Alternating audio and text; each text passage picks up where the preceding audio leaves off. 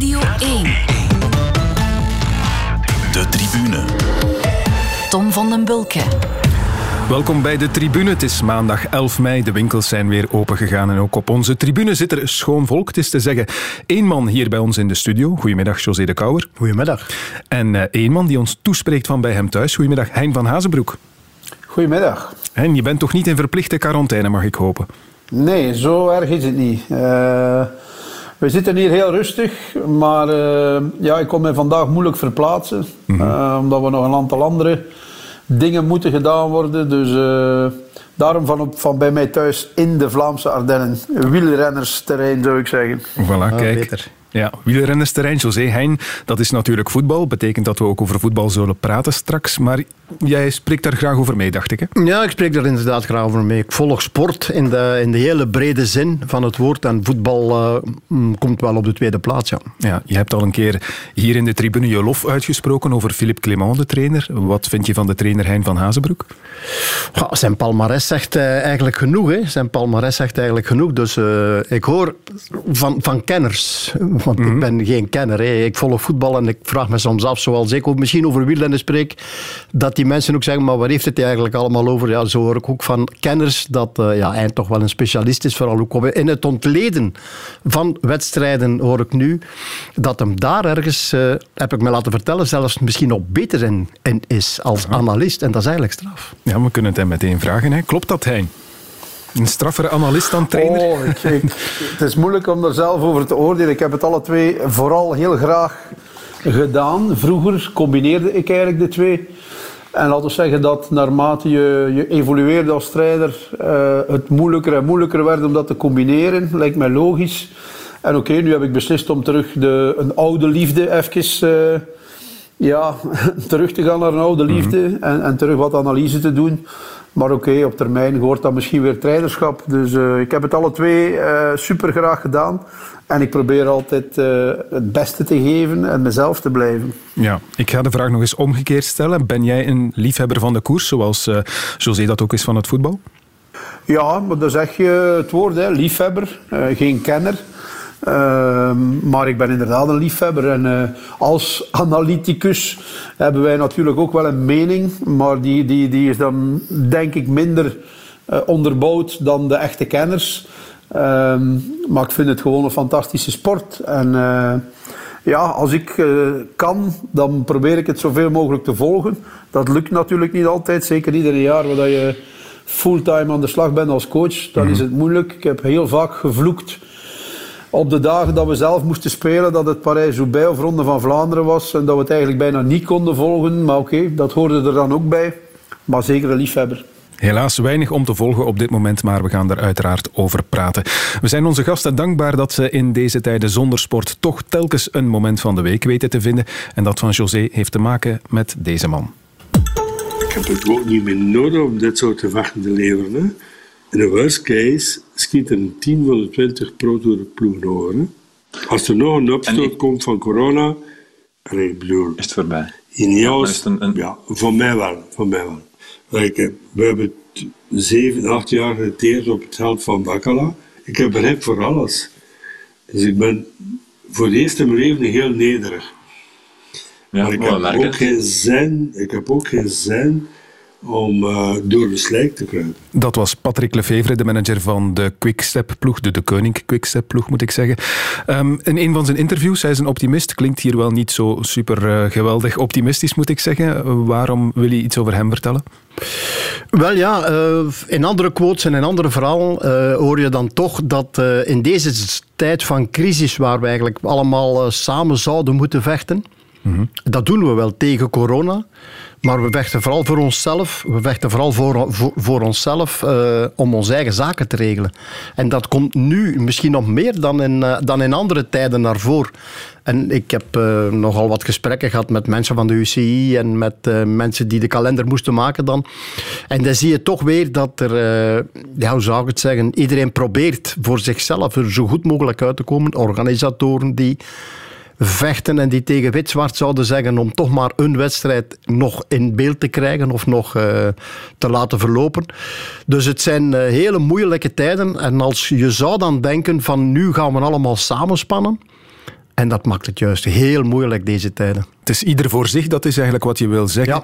Maar is dat niet ook een beetje logisch in, in deze tijden waarin we moeten overleven? Of verwacht je toch dat er een, een zekere vorm van solidariteit zou kunnen ontstaan?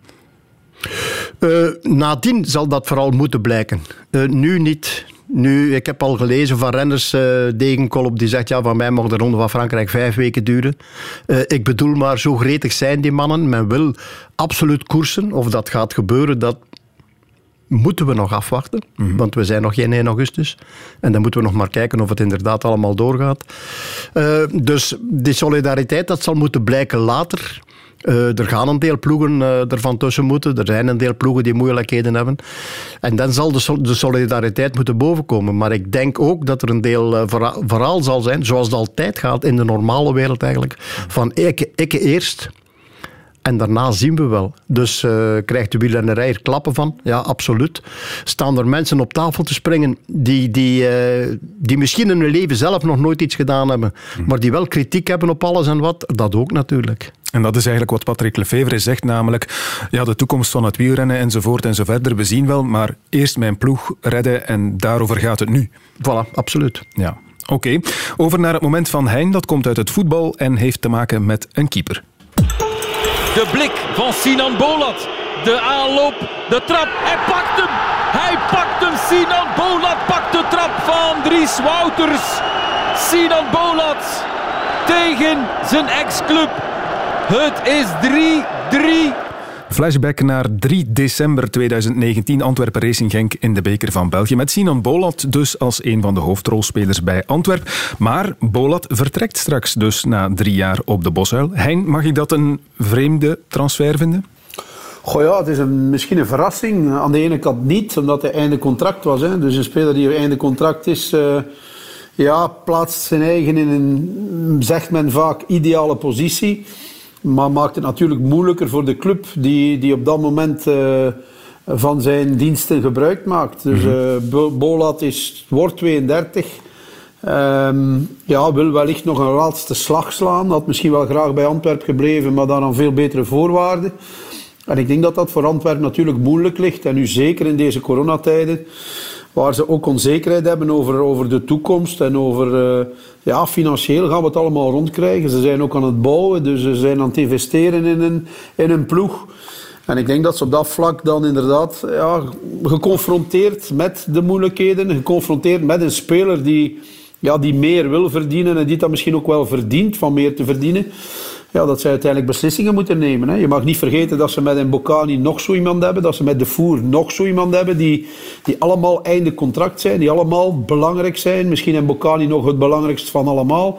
Dus daar gaan ze al heel veel uh, inspanning moeten doen om hem uh, aan boord te kunnen houden. Dus in C verbaast het mij enigszins niet, zou ik zeggen. Uh, misschien wel voor, voor de algemene voetballiefhebber, voor de Antwerp supporter. Uh, die het dan uh, zal zien van een, met een gevoelige kant. emotioneel ligt dat misschien moeilijker. Mm -hmm.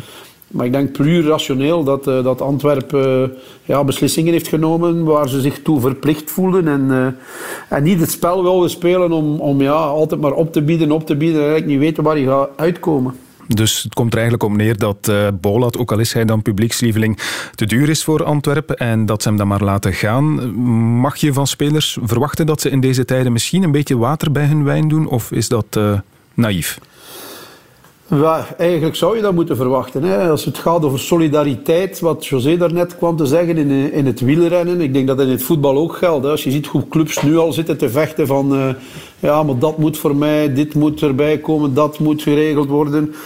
Uh, ook voor spelers. Hè. Spelers zouden eigenlijk uit basis van solidariteit moeten inleveren. Toch tijdelijk inleveren, zolang deze problemen duren. Maar het is een groot probleem in in topsport heel vaak ook bij de, bij de rijksten, zou ik zeggen, bij de best betaalden, om, om solidair te zijn. Uh, je vindt veel meer solidariteit bij de, bij de gewone mens, bij de, bij de sukkelaar, bij manier van spreken, die het mhm. moeilijk heeft. Die gaan nog veel eerder iets afstaan dan, dan diegenen die, uh, ja, die, die heel veel bezitten. Hè. Dus wat dat betreft, denk ik, is solidariteit niet echt iets wat. Uh, wat naast, uh, ja, naast comfort en, uh, en al dergelijke zaken kan gezet worden. Het is heel vaak de mensen met veel comfort die veel minder solidair zijn dan, uh, ja. dan de mensen die het veel moeilijker hebben. Ja.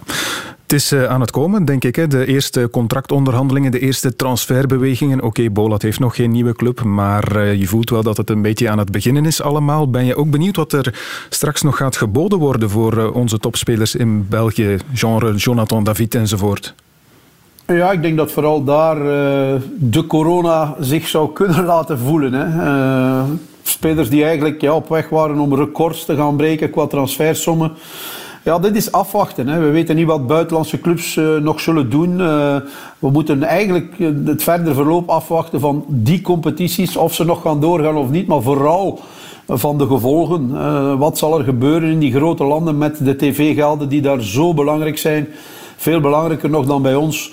Ehm, als die wegvallen, of voor een groot deel wegvallen, ja, dan vrees ik dat er veel minder zal betaald worden voor, uh, voor spelers. En uh, ja, dan zullen onze clubs, en zeker diegenen die dit jaar eh, spelers hadden die echt uitblonken, zoals David of Jaremchuk of een Diatta, dan denk ik dat die clubs daar inderdaad ja, een pak minder geld zullen voor krijgen. Dan is maar de vraag, zullen ze die jongens laten gaan of niet? Als je natuurlijk vorig jaar misschien de belofte hebt gedaan van kijk, blijf nog één jaar en dan mag je volgend jaar vertrekken. Ja, dat is dan niet omdat je er 5 miljoen minder voor krijgt, dat je dan naar die speler toe kan zeggen, sorry, maar nu vertrek je niet. Hè. Dus uh, dat mm. kan inderdaad wel heel veel problemen met zich meebrengen nog. Ja, dat is dan het verschil, José, met de koers. Daar heb je dat niet, dat systeem van uh, transferbedragen. Vind je dat eigenlijk een, een goede zaak of niet voor het wielrennen? Goh, uh, ik moet eerlijk zeggen, mocht het bestaan hebben een wielrenner in de, wieler, in de was rijk geweest. ja. Om het zo uit te drukken. Maar ik, ik ken er een geweldig verhaal over. Echt een geweldig verhaal. Ik zat ooit te kijken op Temse. Uh, en Temse speelde tegen Lokeren. Met de reserve van Lokeren. En uh, Roger Lambrechts was daar. Ja. Hey, ook, Voorzitter van Lokeren ja, geweest. Ja, natuurlijk. Ja, iconisch voor ons in het Waasland dan. Mm -hmm, zeker. En uh, hij ziet mij daar en zegt, ah, zo is het. Ja, goed, goed. En in de koers, jong. Ah, ik zeg, goed, eh, zijn er wat jonge, wat jonge gasten in de koers? Ik zeg, ja, toch wel. Ah, ah ja, en, en wie dan? Ik zeg, ja, die is goed en die is goed en dat wordt zeker een topper, een topper. Ah ja, jong, juist jong. En jij zegt coach, ja. Hij zegt, dan eh, kunnen er iets mee doen. Ik zei, hoe bedoelde? Hij heeft onder contract, zegt hij. Ik zei, ja, maar een, een wielrenner, dat kun je niet kopen, hè, Roger. Dat kun je niet, niet kopen en niet verkopen. Ja, daar kunnen er niets mee doen, zegt hij. ja. Ik bedoel, die Lambrechts die draaide zich om, die zat als een cola te drinken voor de venster buiten. En die zei, ja, José, uh, kun je dat niet kopen? Nee, ik kan dat niet verkopen ook. Nee. Niet interessant. Oh ja, dan kunnen er niks mee doen met de koers. ja. dus, hij, ging, hij, ging, investeren in coureurs. Hij ging uh, investeren in mij, omdat hij dacht van ja, die man zit onder bron, die kent al die beloften niet, dat zijn toppers. Maar het lukte niet. De tribune. Vorige week was de week waarin het BAS, het Belgisch Arbitragehof voor de Sport, zich moest uitspreken over een aantal licentiedossiers in het voetbal. En dat heeft voor ophef gezorgd, vooral dan in het geval van Moes Kroen. Moes Kroen heeft van het Belgisch Arbitragehof voor de Sport een licentie gekregen voor profvoetbal in eerste klasse A voor het seizoen 2020-2021. Moes Kroen voor de vijfde keer in zes jaar door de mazen van het net geglipt. Hein, wat moeten we daarvan denken? Ja, wat moeten we daarvan denken? Niks speciaals zou ik zeggen. Hè? Als, je, als je vijf keer in zes jaar door de mazen van het net glipt, waarom zou dat nu niet weer gebeurd zijn? Ik, ik vind het een beetje raar dat iedereen daar zo verbaasd over is, omdat ze blijkbaar opgenomen uh, gesprekken hadden. Maar men heeft gezien met KV Mechelen wat die opgenomen gesprekken waard zijn. Hè. Die mhm. kan je nu nog niet gebruiken. Dus dat is ook gebleken bij KV Mechelen. Dus eigenlijk moest iedereen op de hoogte zijn van het feit dat misschien wellicht terug zijn licentie ging krijgen. Ik ben er eigenlijk niet van verbaasd. Ja, er is veel kritiek op het BAS omdat ze die licentie toegekend hebben. Hoewel jij dus niet verbaasd bent. We kennen de motivering van het BAS nog niet, dacht ik. Maar als de licentiemanager van de Voetbalbond kan aantonen dat Moes Kroen geleid is geweest door makelaars, dan blijf ik toch benieuwd hoe je dat kunt rechtpraten. Ja, maar oké, dat is de vorige, de vorige keren ook het geval geweest. Hè? Dat is ook mhm. telkens, uh, telkens het geval dat zij zeiden van oké, okay, wordt geleid door makelaar. Dat is al vijf keer de reden waarom ze... Nou, nu was er sprake van, van e-mails die opgedoken waren, waarmee ze het dan blijkbaar echt konden aandoen. Ja, dat is de vraag. Maar als die inderdaad nog niet mogen gebruikt worden, mhm. oké. Het, BAS, het BAS redeneert niet uh, gevoelsmatig. Hè. Het BAS is, dat zijn allemaal ja, merendeel advocaten, magistraten. En die kijken gewoon naar de letter van de, van de wet. Uh, in België is, is ons rechtssysteem zodanig democratisch, zou ik zeggen, dat je eigenlijk al... Ja, je moet al iemand vermoord hebben bijna om, uh, om gestraft te worden. Hè. Er zijn zoveel uitwegen om, om de, laten we zeggen, de, de persoon in C te, te beschermen, ja, dat je er bijna niet onderuit kan. Dus uh, het probleem is, als je de macht stelt bij het BAS, ja, dan moet je nu niet afkomen met te zeggen, oké, we geloven niet in het BAS. Het BAS is een arbitrage-instituut dat door veel sportbonden wordt, uh, wordt gezien als de ultieme uh, uitspraak na een beslissing van een, van een sportvereniging, waar iedereen kan naartoe gaan die met sport te maken heeft. Als je daar niet meer in gelooft, ja, dan moet je veranderen. Hè. Dan moet je een ander uh, instituut zoeken of een andere manier zoeken om eventueel klachten te kunnen behandelen. Uh, en dat moet dan ook op die manier bekeken worden. Men, men heeft altijd gezegd, na het BAS zijn er geen oplossingen meer. Ik zou het ook raar vinden, moest men nu vanuit de bond zeggen, ja, maar wij gaan naar de burgerlijke rechtbank stappen. Ze zijn altijd ingegaan tegen clubs die naar de burgerlijke rechtbank gingen stappen. Alhoewel dat, dat eigenlijk altijd een, democratisch recht is, denk ik, van iedereen. Um, maar nu zouden zouden ze het zelf doen. Dus ik denk dat ze daar is heel duidelijk vanuit de bond moeten stellen van oké, wij geloven, als ze niet meer geloven in het BAS, ja, dan moeten ze een andere oplossing gaan zoeken om... -hmm. Maar dan heb je natuurlijk, dan zet je weer de deur open voor, uh, voor clubs, voor mensen die willen naar, uh, naar dat ander instituut stappen, om ook daar uitwegen te vinden. Hè? Want het blijft altijd een heel moeilijk gegeven in, uh, in ons land. Ja, maar is in het systeem zoals je het nu beschrijft de rol van de licentiemanager dan niet uitgehold? Is dit ja, het failliet van het systeem, zoals Peter van den Ben bijvoorbeeld ook zei?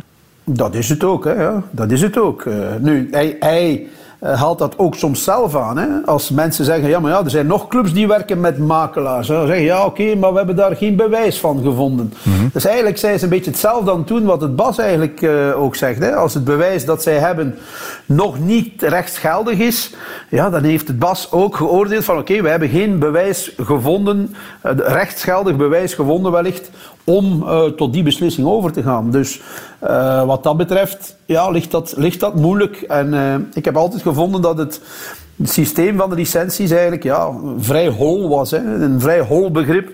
Als je ziet wat er in al die jaren eigenlijk maar gebeurd is, van alle zaken die, die, die voorgekomen zijn, is er bijna niks dat uiteindelijk heeft, is doorgegaan. Dus het is eigenlijk vrij ja, een beetje luchtledig. Hè. Er zit weinig in in heel dat licentiedossier, moet ik zeggen. Uh, heel dat verhaal wordt altijd teniet gedaan door, uh, ja, door het instituut dat erna kan komen. Dus nu weet iedereen al wat er ook beslist wordt. Wij trekken naar het BAS en uh, 99% van de zaken krijgen we gelijk. En blijft het zoals het was. Ja.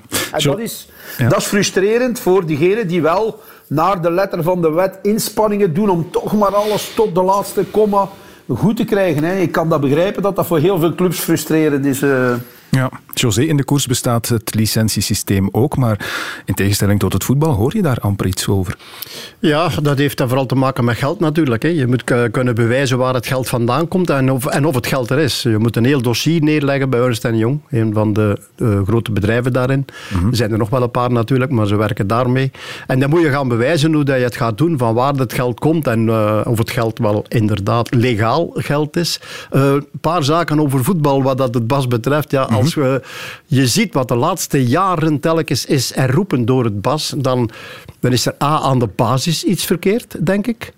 Dus uh, het feit dat bepaalde zaken niet goedgekeurd worden, maar dan voor het BAS telkens goedgekeurd worden, dan heb ik zoiets van ja, maar waarom was dat niet van in de beginnen? Want uh, vijf op zes zaken worden op een of andere manier door het, pas, door het BAS herroepen, om het zo te drukken.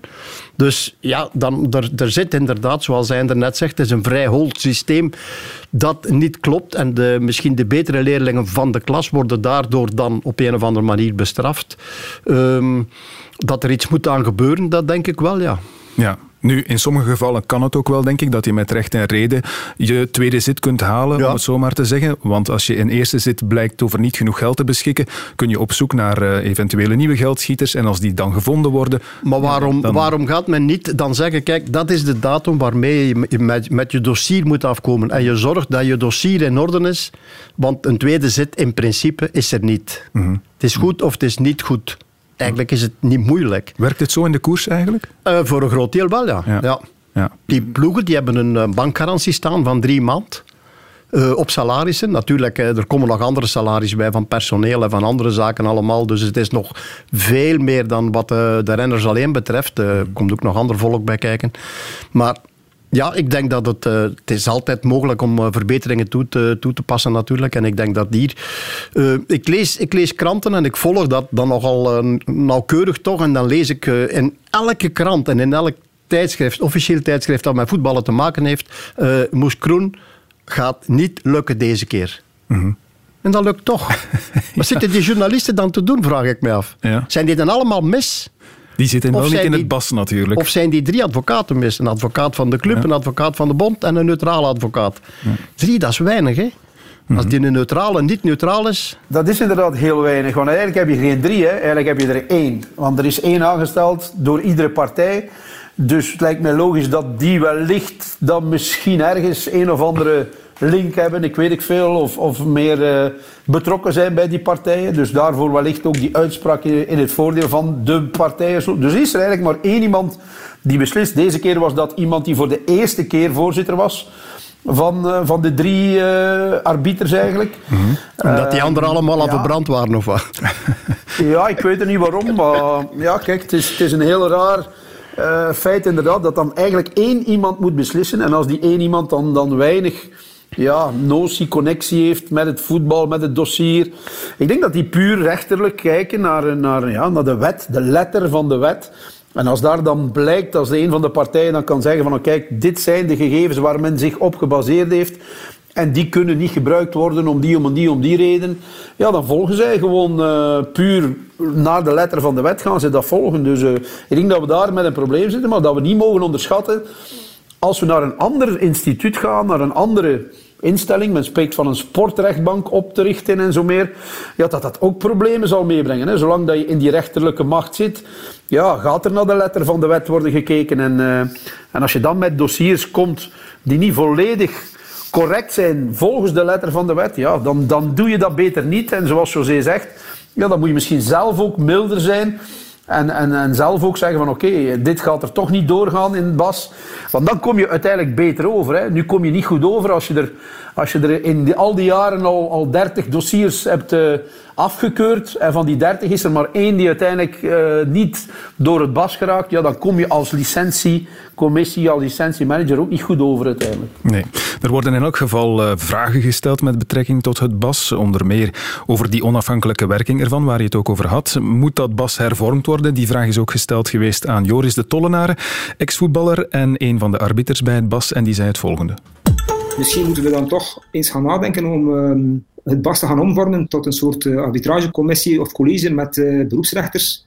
Dat zou misschien inderdaad wel geen slechte zaak zijn, zodat die, dat, dat voltijdse mensen zitten die eigenlijk maar dat doen. En dan denk ik dat zij bijvoorbeeld ook kunnen zetelen in ehm, de zaken van de voetbalbond ik, ik nu de voetbalbond uit, maar dat is onder BOIC, dat gaat over alle sporten. Bijvoorbeeld over schorsingen en tuchtsancties en dergelijke meer. Ik vind het persoonlijk, als speler vond ik het al niet normaal 20 jaar geleden dat men voor een schorsing naar de voetbalbond moest gaan, waar er dan mensen zitten van andere clubs die over uw lot oordelen. Wel, trek dat daar dan weg en, en zet misschien alles bij die ene sportrechtbank die moet opgericht worden. Het schiet me net te binnen, Hein, dat jullie elkaar wellicht wel kennen van bij Harelbeke vroeger, hè?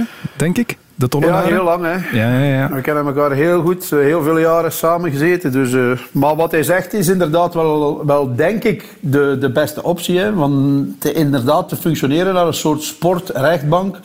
Alleen moet je dan heel goed gaan omschrijven wat de, de uiteindelijke macht en de mogelijkheden nog zijn om verder te procederen. Hè. Want als dat de volgende stap is, de sportrechtbank, en daarna heb je dan nog terug weer een hele rij van, van noem maar op, uh, beroep en, uh, en zo meer.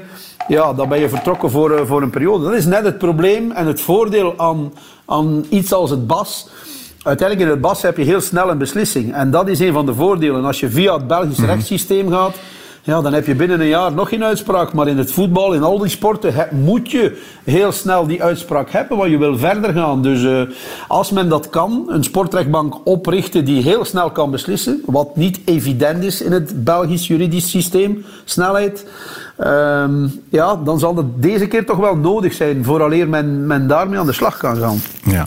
Alle clubs in 1A hebben dus hun licentie gehaald. Dat betekent dat we nu ook een beter idee kunnen vormen van het aantal clubs waarmee de competitie volgend seizoen gespeeld moet of kan worden en in welk format. Nu heeft Waasland Beveren wel al gezegd dat het alles zal doen om te vermijden dat het op deze manier, doordat Moes Kroen dus zijn licentie gekregen heeft, moet degraderen statutair is de competitie nietig, zoals in Nederland. Dat staat in de statuten. Als er niet uitgewerkt is. En dan kunnen we wel natuurlijk nog naar een positieve beslissing gaan. Met de, het voorstel van de 18 ploegen dat uh, door velen gedragen is. Om geen enkel iemand negatief te penaliseren. We zullen ons nooit akkoord verklaren met een degradatie. Dat was eh, Dirk Huik, de voorzitter van Waasland Beveren bij VTM. Ehm, jij bent van het Waasland, José. Heeft hij recht van spreken? Ja, dus uh, eigenlijk zijn we al de, de, de ganse periode dat we aan spreken bezig over hetgeen waar we mee begonnen zijn. Ik mhm. bedoel, we zitten in een periode, een moeilijke periode, en ieder veegt voor zijn eigen deur en ieder vecht voor zijn ding. Uh, ja, heeft hij gelijk? Uh, ik vraag het mij af. Uh, hij, hij, weert zich. Uh, hij zit niet in het verhaal van, want uh, die hebben wel een licentie gekregen, zonder probleem. Allee, zonder problemen. Er zullen misschien ook wel problemen zijn, maar zonder probleem. Maar ze hebben dan weer een ander probleem. Dus ja, en zo zie je maar dat eigenlijk de logica, de logica in veel zaken uh, verzoek is. Hè. Ja, en wat jij zei, Hein, dat kunnen we misschien gaan krijgen hè, straks. Uh, als uh, Waasland-Beveren naar de burgerrechtbank stapt, dan zijn we vertrokken. Goh ja, het gemakkelijkste en waar we wellicht naartoe gaan en waar dat Club Brugge nu een item van gemaakt heeft, maar dat moet je eigenlijk niet ja, niet scherpziend zijn om, er, om, om te zeggen van we gaan naar een competitie zonder play-offs met 18 mhm. ploegen, waardoor dat we geen klacht krijgen van Beveren en ook niet van Beerschot en OHL. Ja, dat lijkt de, de, de ideale oplossing te zijn. Maar dan is er vooral één iemand die, uh, die op bedevaart mag gaan. En uh, niet naar Scherpenheuvel, maar wel naar Compostela. een beetje verder. En dat is Waasland-Beveren. Hè. Ze halen 0 op 21 in de laatste zeven matchen met een doelsaldo negatief van 2 gemaakt en 18 doelpunten tegen. Hè. En dan ga je zeggen van ja, we konden in eerste klasse blijven. Thuis tegen A-agent. Never. Hè. Dus uh, Beveren was, was uh, een vogel voor de kat. Dat wist iedereen. En die zijn eigenlijk gered door het corona, want die gaan in eerste klasse blijven. En Beerschot en OHL, ja, een van de twee uh, ging er ook nooit bij zijn. Dus ook daar gaan ze natuurlijk tevreden zijn, moesten ze alle twee mogen promoveren. Wat wel eens heel slecht nieuws zou kunnen zijn voor Beveren en nog een paar van die anderen. Want als OHL terug in eerste klasse geraakt, dan zal het deze keer wel de bedoeling zijn om daar nooit meer uit te gaan. Want het is een mhm. grote stad, ze hebben... Uh, degelijke spoor, bezit, eigenaar zou ik zeggen. Dus die gaan investeren. Beerschot zal er ook wellicht alles aan doen om, uh, om daar te blijven. Dus ja, uh, maar ik denk dat we daar naartoe gaan. Hè. Ik denk dat, uh, dat er weinig andere opties zijn. Ja, er wordt inderdaad uh, volop gediscussieerd over dat format voor volgend seizoen. Club Brugge, zoals je zei, wil die competitie met 18 clubs, maar A-agent bijvoorbeeld ziet dat niet zitten. De beste maatregel die we nu kunnen nemen om er volgend jaar nog veel meer problemen mee te hebben, is naar 18 te gaan. Ja. Uh, dat is dan de, de gegarandeerde garantie om terug volgend jaar heel veel problemen te hebben in onze producten.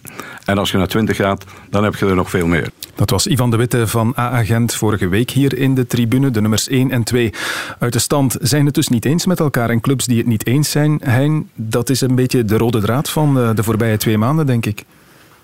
Ja, oké, dat is altijd een beetje zo geweest, zou ik zeggen, in het voetbal. Uh, en dat is in coronatijden niet veranderd, waar je misschien zou verwachten. Maar we hebben dat net al gezegd, van meer solidariteit. Maar dat is er niet. Nu, ik denk dat Gent zich wel zou kunnen neerleggen bij, bij de oplossing van 18 ploegen voor één seizoen. Want mhm. dat vind ik dan wel als men dat besluit moet nemen, moet er heel duidelijk al bepaald worden dat dit voor één seizoen is. En moet er ook al heel duidelijk bepaald worden op welke manier er volgend jaar terug naar bijvoorbeeld 16 ploegen wordt gegaan. Als men dat dan tijdens dit seizoen nog wil herzien, dan kan men dat doen. Maar niet nu naar 18 gaan en dan tijdens het seizoen zeggen van we gaan nu wel kijken hoe dat we het eventueel... Nee, nee, er moet heel duidelijk gesteld worden. Als we volgend jaar terug naar 16 willen, dan zijn er, ik zeg maar iets, drie dalers volgend jaar. En komt er maar één terug over van welke reeks we dat gaan noemen, weet ik al niet meer. Want dat is een, nog een veel groter probleem, zou ik zeggen. Die 1B met half amateurs, half profs.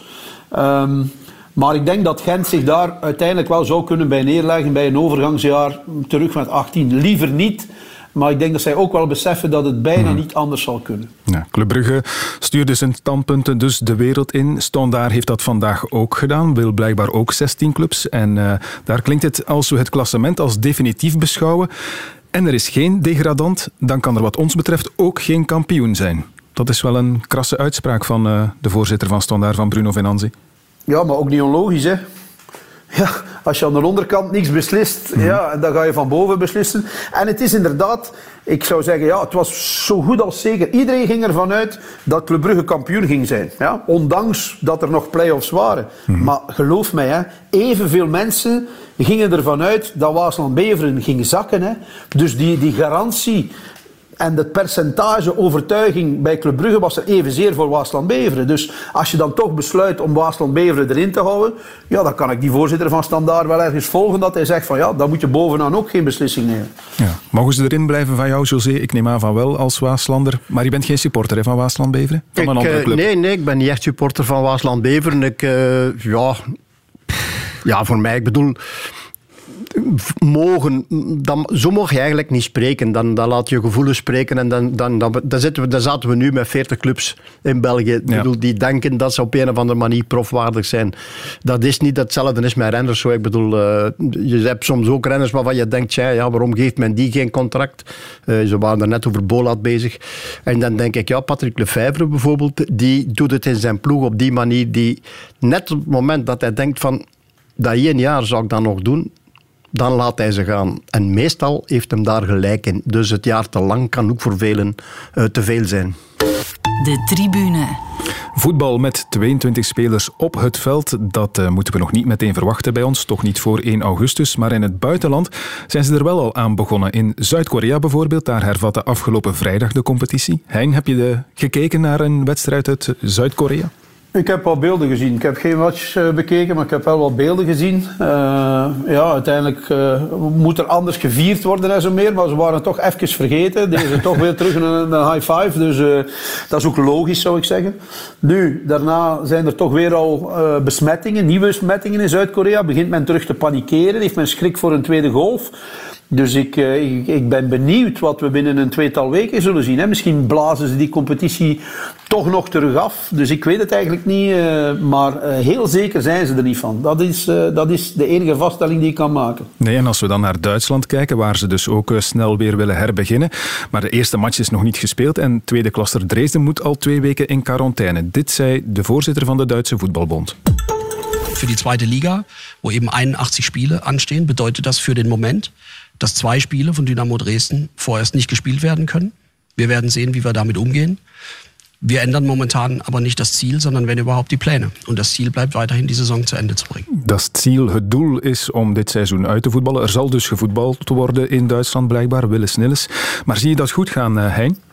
Wel, het is, het is heel simpel. Testcapaciteit. Ja? Als je voldoende testcapaciteit hebt, en dat bedoelt, bedoel ik niet mee voldoende testen, maar ook ze kunnen afnemen, ze kunnen analyseren, want dat, dat moet ook allemaal perfect gaan. Hè. Het testmateriaal alleen is één zaak, maar je moet het kunnen uh, allemaal verwerken.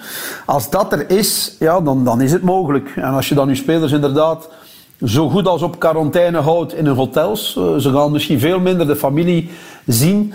Ja, dan is dat mogelijk. Zonder supporters natuurlijk. Uh, in gesloten wedstrijden met, uh, met iedereen die aanwezig is. Die moet getest zijn en die moet zeker zijn van niet besmet te zijn. Ja, dan kan een matje spelen, dan mag je perfect contacten hebben. En dan kan je ook perfect onder elkaar al oefenwedstrijden spelen. Ik heb gisteren een speler van Hertha Berlijn gehoord.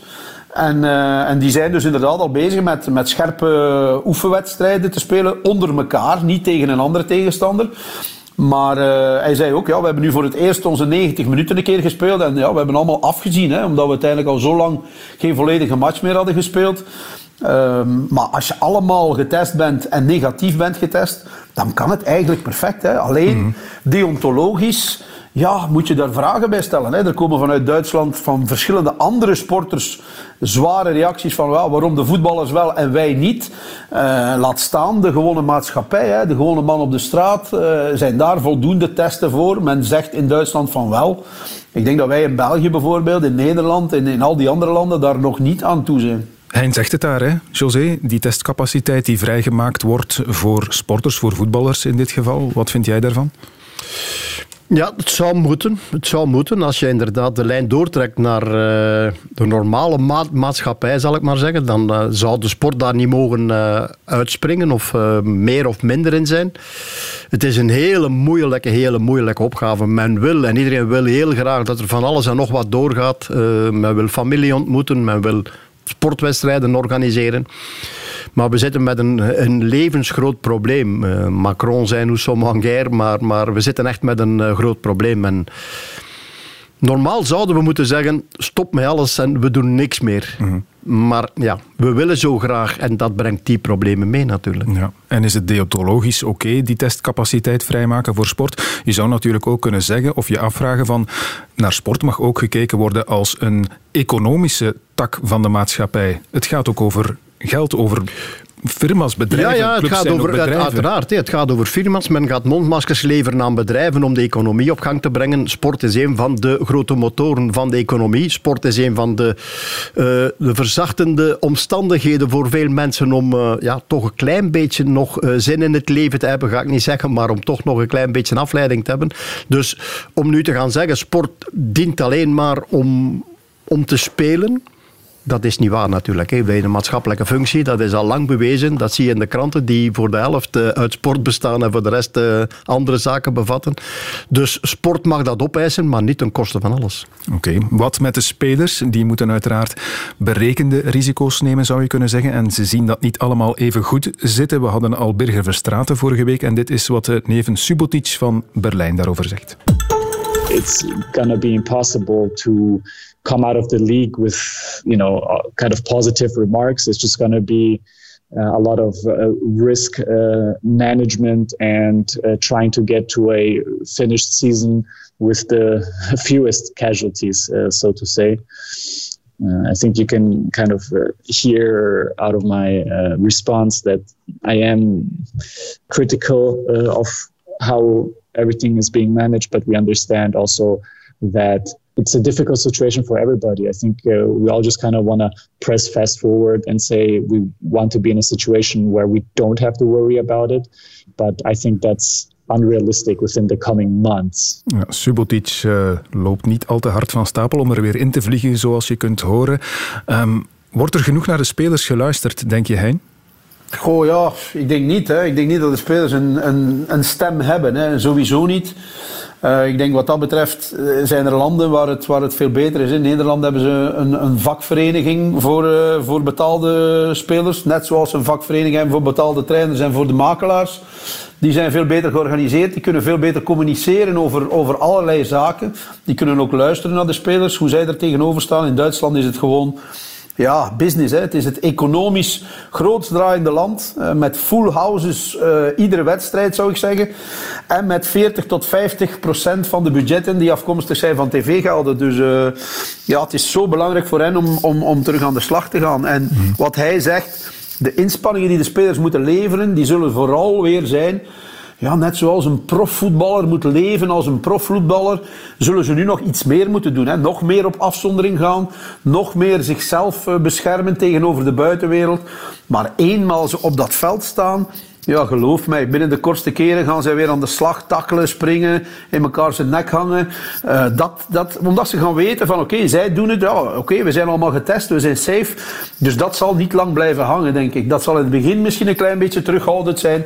Maar eenmaal ze, ze terug onder elkaar wat wedstrijden hebben gespeeld, gaan ze er gewoon vol in gaan in die matchen. En, uh, en dat is ook zo, dat is sport. Dus uh, ja, dat moet ook zo zijn. Moest het zo niet zijn, ja, dan, dan heb je er niks aan aan die sport. Maar het zal vooral daarnaast zijn dat ze nog iets meer opofferingen zullen moeten uh, opbrengen dan ze normaal al doen als profvoetballer. Uh, want ik zeg het nu, ik verwacht dat ze in die vier, vijf uh, weken dat ze nog zullen voetballen, zes weken misschien. ja, dat ze, dat ze hun familie misschien een paar dagen zullen zien en niet meer dan dat. Hè. Er zijn in dat verband ook al uh, veel voorzorgsmaatregelen uitgesproken. Ik pik er eentje uit. Er mag niet gespuwd worden op het veld. Tja, José, ik denk dan ook meteen aan de koers. Als er nu één plaats is waar het snot in het rond vliegt, dan is het toch wel in het peloton zeker? Uh, ja, inderdaad. Ik ben zaterdag even gaan fietsen zelf met, met de fiets uh, voor een paar uur. En dan betrap je er toch op dat je ja, inderdaad die beweging doet je doet dat niet zomaar. Hè? Dit is ook voor als je dat dan doet, dan heb je zoiets van, ah ja, nee, nee, nee, ja, nee. Alhoewel dat je daar alleen rijdt of zoiets. Maar, maar toch is dat uh, ja, een, een bijna natuurlijke houding, zou ik bijna zeggen. Ja, Hein, je hebt natuurlijk ook zelf lang genoeg gevoetbald. Uh, je maakt gewoon toch speeksel aan. Dat, dat, dat moet er af en toe uit, zo is Uiteraard. het toch? Ja? Uiteraard. Alleen diegenen die zeggen van ja, het is niet zo erg, want het is een zweetsport en het virus wordt niet overgedragen via zweet. Ja, jongens, waarover babbelen we? Uiteindelijk zit je te, te roepen naar elkaar, te hijgen in elkaar zijn nek. Dus ja, daar komt het virus vandaan. Hè? Niet, van, niet van zweet, dat weten we allemaal. En je geeft ook geen zweet over in, in wedstrijden, maar vooral, ja, je hebt heel close contact. Je roept en het is nu ook al bewezen dat sporters, zowel wielrenners als lopers, fietsers en zo meer, ja, dat men niet meer spreekt over een, over een, uh, een meter en een halve of anderhalve meter. Hè. Dan spreekt men al over heel makkelijk vijf keer zo ver. Hè. Als het dan echt uitgespuwd wordt bijna, niet letterlijk. Maar als je echt gaat hijgen een zware inspanning, dan dragen die, die, die deeltjes veel verder. Dus, uh, maar ik blijf erbij, ik heb het daarnet al gezegd. Als iedereen getest is in het peloton, zowel als in de voetbalwedstrijden, dan is er geen risico voor, voor de, de sporters op zich. Mhm. Want dan gaan ze niet besmet zijn. Wie niet besmet is, kan ook niet overdragen. Dus dan, dan is er geen enkel probleem, mogen mij bij, bij manier van spreken elkaar kussen, zou ik zeggen. Uh, dan, is er, dan is er geen enkel probleem. Dus, uh, ja. Maar, ik herhaal, testen, hè. zeker zijn van want anders kan het heel snel gaan. Dat voorbeeld hebben we nu gezien in, in Zuid-Korea, waar één gast in een bar er zomaar een, een heel pak heeft, uh, heeft besmet. Ja. Ja, inderdaad. Nu, het zal ook voetballen worden zonder publiek. Eh, dat kan. Gaan we ook kunnen koersen zonder publiek, José? Ja, we hebben het gedaan in Parijs-Nice. Uh, maar er is dan ook wel weinig volk aanwezig. Dat is een koers waar traditioneel weinig volk op afkomt. Maar in ieder geval aan de aankomstlijn was uh, het publiek verboden. En ik moet eerlijk zeggen, dat was toch wel raar. Hè? Ik heb daar een moment een dag gehad. De eerste dag dat we zonder publiek aan de aankomstlijn stonden, ging ik me daar kijken voor een koffie ergens, want we zaten er weer in een of andere buitendeel van een stad. En ik ging kijken, kan ik me hier ergens een koffie halen of zoiets? Ik kwam daar aan een tandje terecht van een, een deel gepensioneerden die daar stonden voor een of ander clubje. Ehm, daar cola en andere spullen te verkopen. En 300 meter verder stond de afsluiting, was alles dichtgemaakt door de gendarmerie. En, en uh, ik stond zo te kijken en ik dacht, ja, wat staan die mensen nu, nu te doen eigenlijk? Dus ik, bestel, ik bestel drie koffies, ik moest drie euro betalen. Hm. En ik denk dat dat het enige was wat, wat die mensen ontvangen hadden. Ja. En dan rij je daar weg en dan zei ja, wat, wat, staan wij, wat komen wij eigenlijk doen? Twee dagen later zijn we dan ook vertrokken daar en zij hebben commentaar komen geven van hier, vanuit Brussel.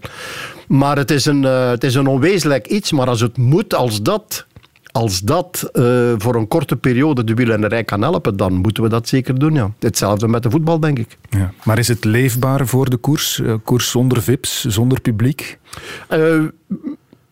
Televisiebeelden in ieder geval voor de koers, het sportieve. Het sportieve gaat daar niet onder lijden. Wielrenners uh, leven minder van het publiek langs de kant dan in een voetbalmatch. Ja, maar je hebt wel de organisatoren die, die leven van de inkomsten van de VIP's Absoluut, absoluut ja, ja, inderdaad. Het, uh, het grote VIP-park bovenop de Oude Kwaremond zal er uh, in de Ronde van Vlaanderen niet zijn, denk ik. Of zeker niet. Dus dat wordt overbruggen. En als je dan weet ja, dat de wielrennerij nog veel meer leeft van dat soort zaken, ja, dan wordt het heel moeilijk. De tribune. De Internationale Wielerunie heeft afgelopen week de kalender bekendgemaakt voor het wielrennen. Kort gezegd komt het hierop neer.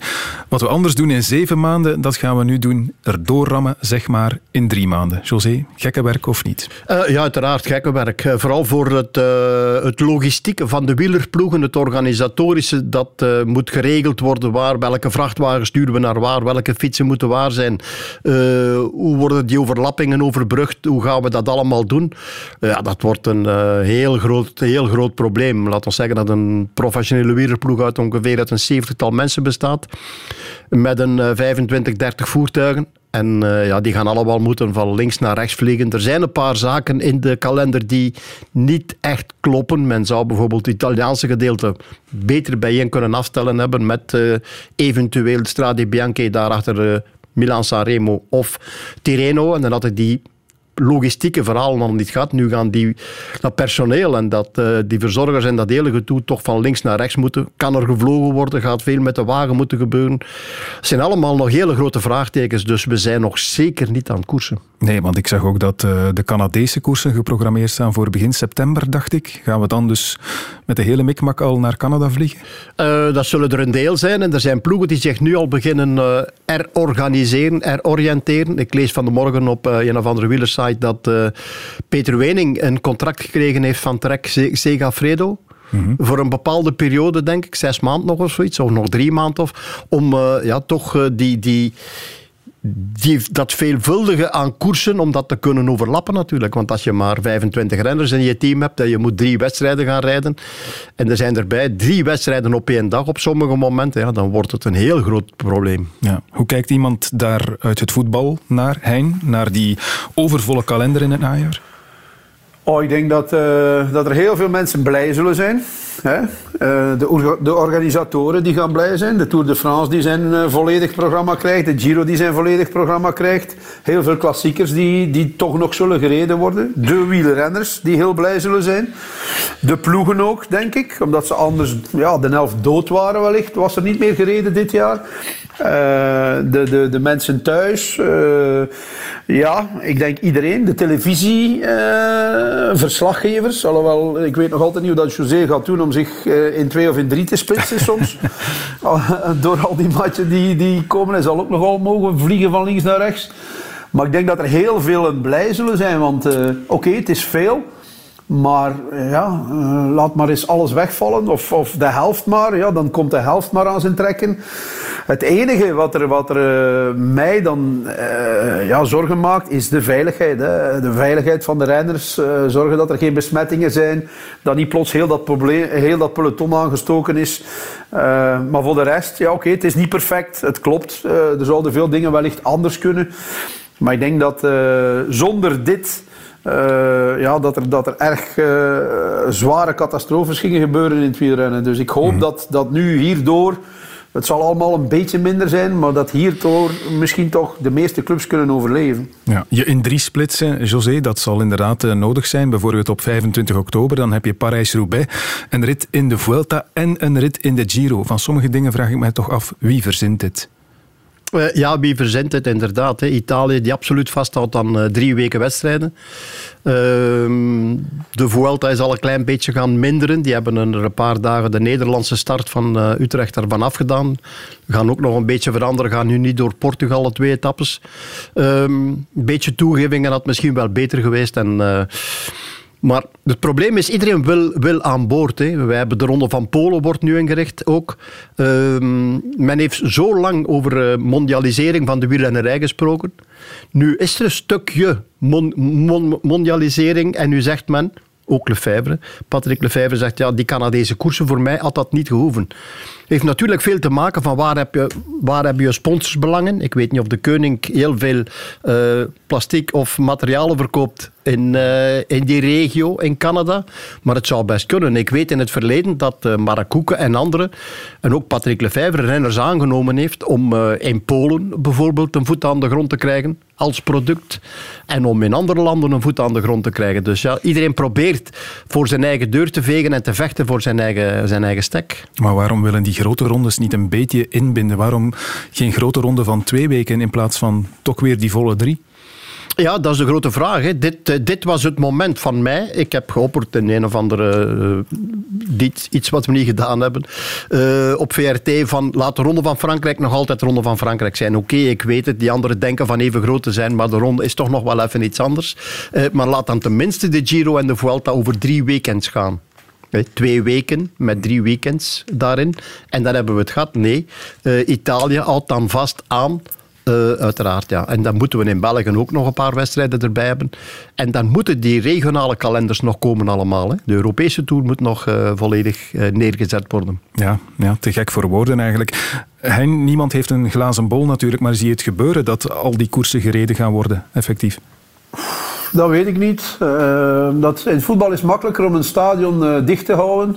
In Duitsland zegt men nu al, oké, als er publiek opdaagt van de thuisploeg, dan verliezen ze die wedstrijd. We gaan daar een, uh, een besluit van nemen. Dus daarmee proberen ze ook het publiek weg te houden uit de buurt. In de koers is het natuurlijk anders. Hè. Je kan nooit ja, niemand verplichten als je passeert in een straat van die buiten te gaan staan. Hè. Dat is heel moeilijk, denk ik. Mhm. Dus, maar ik blijf erbij, als je zeker bent dat het instrument safe is, oké, dan zie ik niet echt problemen. Uh, ook niet als er mensen langs de weg staan. Niet in grote bijeenkomsten, dus geen, geen Patersberg vol uh, met volk uh, of geen, geen kol in de Tour de France vol met volk. Nee, maar op de tussenwegen, tussen de attracties zou ik zeggen. Ehm, ja, waar dat de mensen echt verspreid staan, denk ik, kan men het eventueel wel volgen. Hm. Dus ik denk dat het misschien wel mogelijk is. Ik denk dat we vooral en dat, uh, daar, daar hoor je minst van al over, denk ik. Dat het vooral hopen is. En ik denk dat dat veel sneller zal zijn dan iedereen verwacht. Op een uh, vaccin, op een, uh, op een medicijn. Om eigenlijk dat virus onder controle te hebben. En ik, ik persoonlijk verwacht dat we ja, ergens eind in de herfst, eind de herfstperiode. dat het wel al eens prijs zou kunnen zijn dat we al een vaccin hebben. En dan spreek ik van oktober, november. Uh, men is daarin voorzichtig, maar ja, men is toch langs alle kanten echt enorm intensief bezig. Men heeft al hele goede pistes. Dus ik verwacht dat dat veel sneller zou kunnen gaan dan, uh, dan iedereen nu uh, uitspreekt. Dat zou goed nieuws zijn, uiteraard. Maar zonder vaccin moeten we dan inderdaad de kools afsluiten in de Tour? Het is natuurlijk wel zo dat de Tour niet gereden wordt in de vakantieperiode. Mm -hmm. Dat is al een groot verschil. Hè. Het, het grote succes van de Tour is vooral de periode dat hij op een bepaald moment betwist werd in het verleden. Onder normale omstandigheden, dus is er nu niet bij. Dus veel mensen zullen in principe terug aan de arbeid zijn. Dus wat dat betreft uh, zou het kunnen zijn dat er sowieso al een beetje minder publiek is. En dan is het gewoon een, een kwestie van uh, logica, zal ik maar zeggen. Logisch nadenken. Gewoon uh, doen wat je in principe voorgeschreven krijgt. En de, ja, de, de orde aan tafel zullen een beetje werk hebben om te zeggen van nee nee, nee, nee. En ja, dat publiek moet dat dan maar aanvaarden. En anders, ja, dan gaat het niet door, veronderstel ik. De kalender puilt uit, hebben we al gezegd. Ehm, maar dan is er nog de vraag, wat met het veldrijden natuurlijk? Want ook daar krijg je overlapping. Dit zei Sven Nijs daarover. Ik denk dat de komende weken belangrijk zullen zijn om die kalender toch eens van dichterbij te gaan bekijken. En, en het is vooral ook nu uh, nadat de kalender van ja, het wegweerrennen is bekendgemaakt, echt vijf voor twaalf om ook die van de cross te gaan bestuderen. Want wij willen natuurlijk wel van start gaan op het moment dat, dat we normaal van start gaan en dat is half september. En, en ik, ik, ik ben er wel van overtuigd dat we niet moeten wachten tot het wegseizoen achter de rug is om te beginnen crossen. Wij hebben, wij hebben in het verleden nog vaak echte top koersen gehad op de weg die in combinatie met de cross werden georganiseerd. Maar niet op een dag waarop Parijs-Roubaix uh, een rit in de Giro in de Vuelta wordt gereden, toch? Dat is, dat is eigenlijk uitgesloten. Dan, ja, dan, dan ga je gewoon geen aandacht krijgen. Daar staat niemand voor te springen. Dat was Sven Nijs. José, ja, wat met het veldrijden? Ja, wat met het veldrijden. Hè? Want uh, als je die kalender ziet en tot waar die kalender loopt, dan uh, blijven de twee grote tenoren, en dat hebben ze ook al bevestigd, zowel Mathieu van der Poel als Wout van Aert, die blijven dan afwezig. En dan uh, lees ik wel en hoor ik wel van Sven, die zegt van, maar we hebben die twee niet nodig. Ik denk het wel. Het, het, het uh, cyclocross voor mij, het veldrijden, dat is, uh, dat is het werchter, dat is het pukkelpop van de sport. Hè. Daar heb je massa volk van, van, van 25, 30.000 uh, mensen bij elkaar uh, opeengehoopt. En dat is het succes van het, van het veldrijden, hè, van het crossen. Hè. Ik denk, ja, als dat wegvalt, want dat zie ik niet gebeuren, dat zij op één locatie, want dan hebben we het bijvoorbeeld als je het dan gaat vergelijken met de koers, dat is gewoon de Arrivé of dat is de Paterberg. En je blijft rond de Paterberg draaien hè, en iedereen blijft daar staan. Dus in de koers zou het niet mogen. Het is onmogelijk om publiek te hebben op, uh, op crossen, denk ik. Gewoon helemaal onmogelijk. En als zij dat niet hebben, ja, dan kunnen die, organisator die organisatoren niemand betalen. Dus ik vrees dat dat een enorm probleem zal zijn. Want hoe gaan zij die renners vergoeden als zij geen inkomsten hebben van, van publiek? Dat, dat zie ik gewoon niet zitten. Of ik moet volledig verkeerd zijn. Het enige voordeel dat je daar hebt, Hein, dat is dat al dat publiek voldoende uh, alcohol gedronken heeft. En in de eerste plaats dan Genever. En volgens die, die president uit West-Rusland is dat de enige manier om corona te bestrijden. Hè. Dus ik denk dat ze op de cross eruit zijn. Ja, dat zou een mooie oplossing zijn. Ja, in plaats van een vaccin aan de Genever met z'n allen. Ja, waarom niet? Nu, vorige week hadden we een uh, gesprek met Alberto Contador, meervoudig rondewinnaar. En die zei dat als er gekoerst wordt, tenminste, dat dan de ronde van Italië de beste keuze is voor Remco Evenepoel. In my opinion, uh, also for Remco, it's better go to the Giro because it's more um, a race that face to face, no? Uh, at the Tour de France, it's very important have a very strong yeah, team tactics. at the mountains, and uh, the Koning uh, at the at the mountain is not very very strong. Yes. In de Giro is het meer man tegen man. In de Tour moet je vooral een sterke ploeg hebben, zegt hij. Heeft hij gelijk? Ja, absoluut. Ja, tuurlijk. Ja, als je ziet wat de voorbije jaren Team Sky, Ineos en, en de ploegen die daar gewonnen hebben, uh, telkens ten berde gebracht hebben. Dat zou nu misschien met Jumbo-Visma nog iets anders kunnen betekenen. Dan inderdaad, daar heeft hij gelijk in. Man tegen man, Remco Evenepoel. Maar voor Remco maakt eigenlijk dat hele verhaal niks uit. Er was een probleem over de Olympische Spelen. Uh, hij zou daarvan voor geweend hebben. Ik had, mijn eerste reactie was, hmm, dat komt goed uit. Dat is een jaartje later, een jaartje ouder. Ben nog wat sterker en de rest wordt minder, minder sterk of worden ouder. Worden zeker niet beter. Rowan Dennis en anderen. Dus... Uh, als het nu voor één man niet te erg is, dan is het voor Remco Evenepoel. Ik denk eerder aan een Greg van Avermaat, 34 jaar, dat die mannen eigenlijk door dit wat er nu gebeurt, meer problemen hebben dan Remco. En inderdaad, dan is de, ronde, de ronde van Italië een, goeie, een hele goede opstap als eerste grote ronde. Hmm. Hein Evenepoel is nog een voetballer geweest. Um, heb je hem ooit zien spelen? Nee, ik heb hem nooit uh, aan het werk gezien. Ik heb wel... Uh, gehoord van een ander leg dat hij iemand was met een ongelooflijk goede uithouding. Uh, dus dan zou ik zeggen, ja, oké, dan is de wielersport uh, voor hem ideaal. Want daar moet je veel betere uithouding nog hebben dan, dan in het voetbal, zou ik zeggen. Natuurlijk, je moet ook de wattage kunnen draaien. En dan verrast dat misschien dat hij dat wel toe in staat is. Dus ja, ik kijk uit naar al die jonge talenten. Hè. Ik vind dat we heel veel jonge talenten terug hebben in het, in het wielrennen. Dus ik denk dat we heel mooie jaren tegemoet gaan. En laten we hopen dat de zorgen van corona zo snel mogelijk opgelost zijn.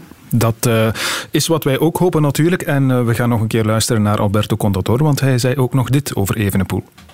Renko is a talent that uh, never I saw before in my life. I remember perfectly when I drink a coffee with him.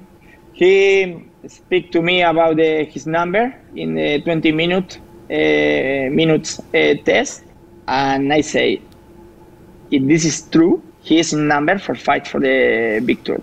Als de testwaardes kloppen waarover Evenepoel me verteld heeft, dan heb ik nog nooit zoiets strafs gezien, zei Alberto Contador. Als hij dat al zegt? Ja, maar we, hebben, uh, ja, we waren er getuigen van. Hè. We, hebben de ronde, we hebben de 2K gezien in, uh, in Zwitserland, waar hij daar uh, ja, twee keer wereld, wereld, wereldkampioen wordt bij de junioren, 18 jaar. Ja, oké. Maar dan zie je nadien, ga je hem daar in de ronde van België zien, kampenaars in de problemen brengen, dat hem zelfs tegen de grond gaat. Een paar, dagen, een paar weken later gaat hem dan San Sebastian winnen op een manier om u tegen te zeggen. 220 kilometer, een heel zware wedstrijd. Heel zware wedstrijd. En dan denk je, ja, inderdaad, nog nooit gezien, nog nooit gezien, maar het, uh, het strafste moet nog komen. Dus wij, wij, ja. hetgeen hij la laat zien is uh, ongezien. Dus de rest zal moeten volgen. Het is ongezien, letterlijk ook. Hè? Want uh, normaal gezien hadden we hem aan het werk kunnen zien in de Vuelta, in de Giro op dit moment.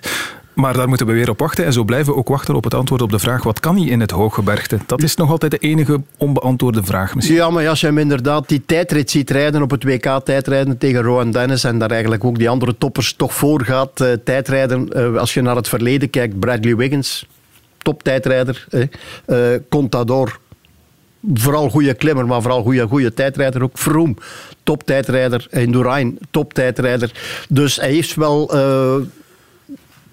de natuurlijke aanleg en de, de kwaliteiten om, uh, om een ronde tot een goed einde te brengen. De enige dat er misschien, misschien nog, uh, waar we nog even voor moeten wachten, is die drie weken. Ja. Of er, uh, zoals er bij sommigen, toch telkens weer opnieuw die ene slechte dag is. En of hij daar onderuit kan komen. Hmm. Wat heeft jouw voorkeur als liefhebber Hein? De grote rondes of toch eerder de klassiekers? Ik ben meer de man van de klassiekers, moet ik zeggen. En daar zal misschien wel, daar zal misschien wel terug verandering in komen. Moest Remco uh, beginnen rondes te winnen. Destijds was ik een grote fan uh, van Eddy Merckx ook. Dus toen waren de rondes wel fantastisch. Hè? Omdat we, omdat we ja, kandidaat, winnaars hadden. Dat we heel veel wonnen. Dat is nu al een hele tijd geleden, eh, denk ik. Na, na Johan de Munk, de laatste, denk ik, in de Giro. Lucien mm van Impe in, in eh, de Ronde van Frankrijk. Dus uh, ja, maar ik denk dat we het in de klassiekers dat we altijd meedoen. Dus uh, ja, laten we zeggen, een beetje chauvinistisch gezien. momenteel de klassiekers, omdat de Belgen het daar heel goed in doen. Je zit te lachen, José. ja, absoluut. Ja, als ik eind van Azenbroek moest zijn, dan zou ik ook over de klassiekers spreken morfologie gezien, uh, lichaamsbouw. Ja. En, dan zou ik zeggen, denk, denk, niet aan een grote ronde. Dan, dan, nee. Uh, nee. nee, nee, dat doen we niet. Dat gaan, dat gaan we doen. De klassiekers. En dan in jouw geval denk ik Parijs-Roubaix. maar ja, maar dat is, dat is allemaal veranderd. Hè. José, van vroeger een Indurain en een Merckx en een Hino. Allee, Hino is niet zo groot, maar uh, dat waren toch nog stevige jongens uiteindelijk om, om rondes te winnen. Hè. Ja, dus ja absoluut, absoluut, absoluut. Als je ziet nu hoe, hoe scherp die mannen staan wel... naar 4, 5 ja. procent vetpercentage, dat is eigenlijk uh, bijna ja, ongezond. Ja. ja. Maar je woont ook, uh, Hein, in, in de Vlaamse Ardennen. Misschien speelt dat ook wel een rol in, in de manier waarop je koers beleeft? Ja, sowieso. Hè. Maar uh, ik moet wel zeggen dat het hier uh, een heel stuk rustiger is dan normaal. Hè. In deze periode uh, wordt er niet alleen gekoerst, maar zijn er ook ongelooflijk veel wielertoeristen die, ja, die de hellingen komen doen en die, die hier rond komen fietsen. Um, en ik moet zeggen dat in deze tijd, alhoewel de mensen toch blijkbaar mochten fietsen met twee, uh, was het toch heel opvallend dat er veel minder mensen tot hier kwamen. Dus uh, nu is het weer iets verbeterd en ik hoop inderdaad dat de mensen terug uh, hun parcours vinden en zich kunnen uitleven en een beetje aan sport kunnen doen en terug de liefhebberij kunnen oppikken. Ja, nog één ding. Ik eh, kom nog even terug op de Giro, José. Want het was eh, afgelopen weekend negen jaar geleden dat Wouter Weiland daarom het leven gekomen is. Je hebt hem uiteraard eh, goed gekend. Heb je nog aan hem gedacht van het weekend? ja, absoluut. Ja. Ja, ik heb hem een etappe weten winnen in Middelburg.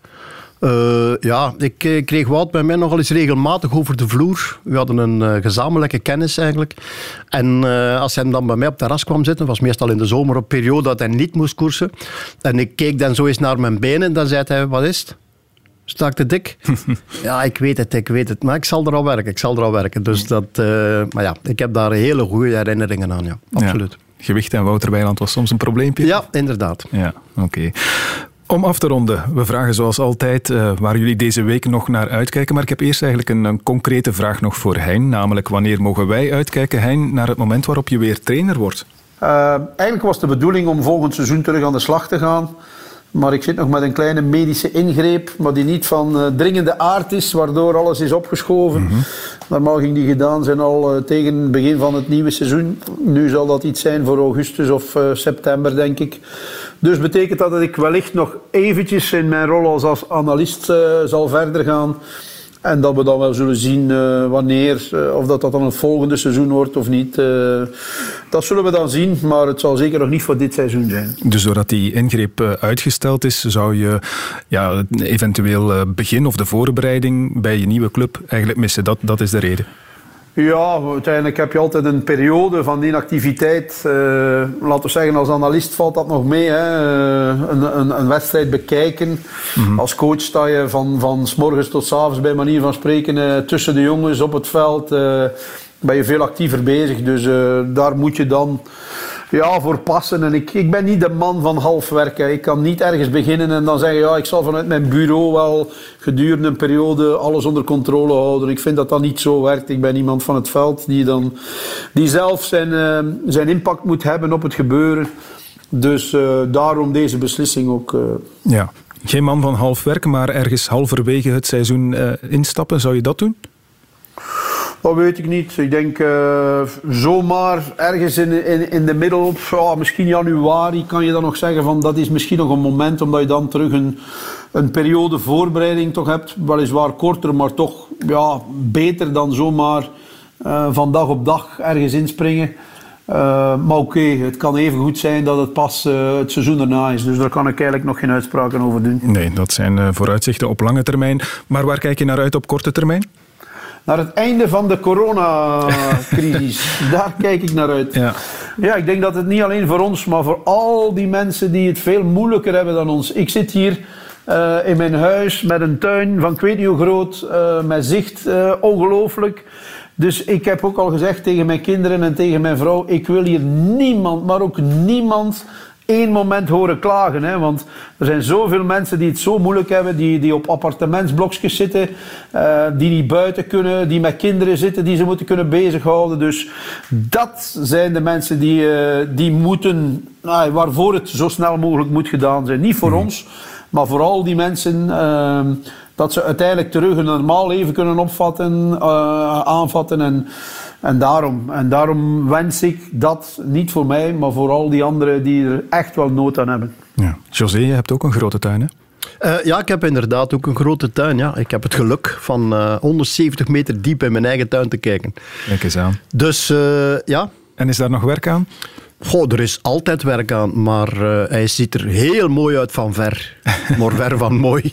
Ja. Maar het is goed. Het is, goed. Okay. het het moment, hè? Nu. Er is veel tijd, hè? Maar ik ben bezig, ik ben bezig, ik ben bezig. Dus, uh, ah. niet, ja. Nee, nee, nee, nee, het is goed, het is goed, het is goed. Hij heeft er nog nooit, nooit zo mooi niet bij gelegen de laatste tien jaar. Dus José de Kouwer is ook een echte tuinman? Uh, ik ben tuinman, ik ben, ja, ik ben kippen aan het kweken geweest in een broedkas. In een, ja, dus ja alles en nog wat. Ja, dat zijn allemaal zaken die ik... Eh, de lente heb ik eigenlijk nooit wat zeg ik, de laatste 20, 30 jaar van thuis uit niet meegemaakt. Nu staan er bladeren op de bomen. Ik heb die elke dag zien groeien om het zo uit te drukken. Vroeger was ik een week weg, kwam ik thuis. Of na de Giro was het in één keer zomer. En bezig zijn met de kippen of de tuin, is dat ook waar je naar uitkijkt of is er nog iets anders? Uh, ik kijk vooral uit om op een normale manier, zoals hij, uh, te kunnen leven. Van terug bij mensen in contact te komen, gewoon doen. En dan inderdaad, dan moet ik hem voor de volle, volle, volle 100% bijtreden. Wij hebben het uh, echt wel goed. Echt wel goed. En dat die sporters op een of andere manier moeten een beetje van hun salaris afdoen, om het zo uit te drukken. Dat vind ik eigenlijk jammer dat we daar nog over moeten discussiëren, want die zijn in een zo bevoorrechte situatie dat we er eigenlijk niet zouden over mogen moeten discussiëren. Dat zal de eerste moeten zijn om te zeggen van jongens, wij krijgen geld om ons hobby uit te oefenen, wij krijgen geld van iedereen die naar ons komt kijken. Wij zijn degene die er iets voor doen. En dan vind ik dat des te jammerder dat er toch nog een deel bij zijn die A... Uh, uh, nog een paar lockdown-parties moeten gaan geven. Vind ik dan echt helemaal. Die zouden bij mij geen voetbalschoenen meer mogen aandoen, mm -hmm. om het zo uit te drukken. En het zijn vooral aan die mensen dan uh, aan die andere mensen dat, dat we moeten denken. Dus die Zuid-Koreaan uh, waar we het al over hadden, die moet bij jou niet komen aankloppen? Nee, nee, helemaal niet. Nee, ik heb daar absoluut geen medelijden mee met dat soort mensen. Oké, okay. dat we het goed hebben, dat is een mooie gedachte om mee af te ronden. Daarmee zijn we dus rond. Dankjewel Hein van Hazenbroek, dankjewel José de Kouwer. Dit was De Tribune. Fijn dat je luisterde. Volgende week zijn we er opnieuw en vanaf dan ook weer op Radio 1 trouwens, op maandagavond tussen 7 en 8 live op je radio. Hou je goed en graag tot dan.